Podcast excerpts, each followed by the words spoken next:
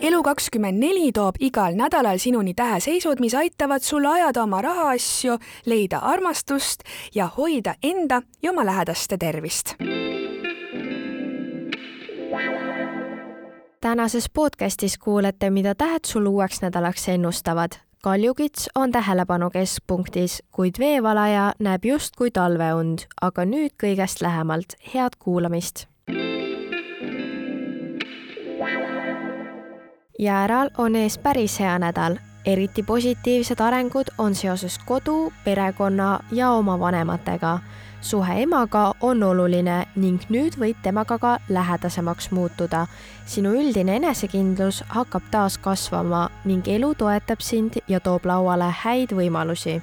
Sõnni meeleseisund on paranemas ja uus lootus on sündimas hetkel võiksid mõelda rohkem reisimise või mis tahes uute kogemuste peale. head asjad juhtuvad, kui sa lubad oma ellu värskeid kogemusi, inimesi ja tegevusi.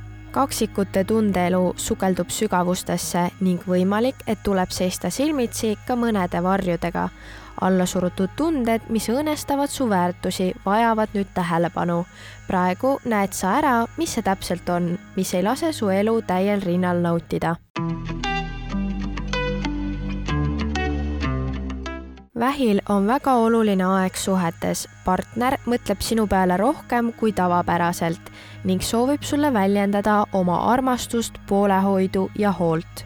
silmapiiril võivad olla ka uued olulised partnerlused ja liidud lõvielu on sel nädalal töine ning just seoses ülesannetega, mis vajavad tegemist ja pole kõige glamuursemad paljud kohustused, mida sa virna kogunud oled, nõuavad nüüd täitmist.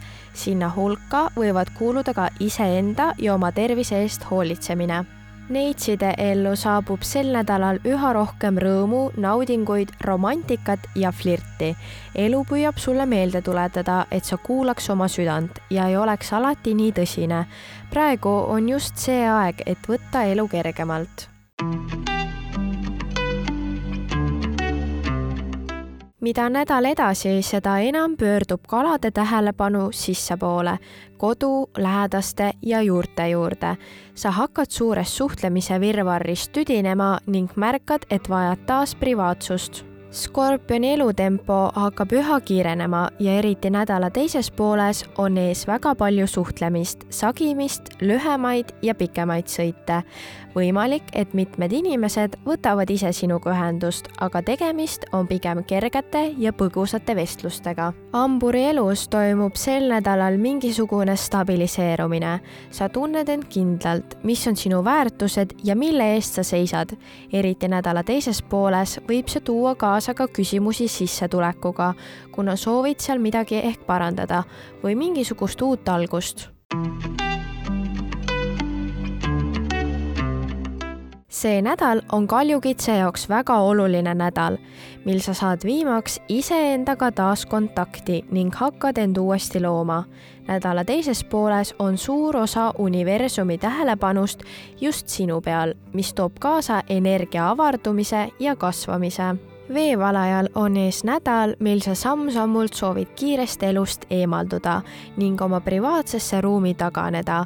eriti nädala teises pooles vajad sa rohkem puhkust ja eraldiolekut ning küllaldaselt unetunde nimelt on see sügavamal tasandil sinu jaoks aasta kokkuvõtete aeg, mil alateadvus hakkab kõike läbi töötlema. sõbrad, unistused ja ideaalid täidavad kalade nädala energia ja inspiratsiooniga kalade jaoks on aeg küps, et tulevikku visioneerida ja julgelt unistada. sel ajal ei maksa olla liigselt üksi.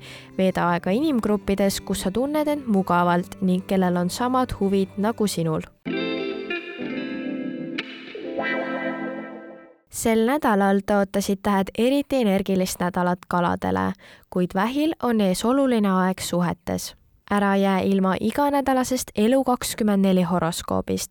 pane like ja follow meie sotsiaalmeediakanalitele ja telli digitellimus juba täna. järgmine kord kohtume juba uue aasta alguses, et vaadata, mida toob uus algav aasta tähemärkidele.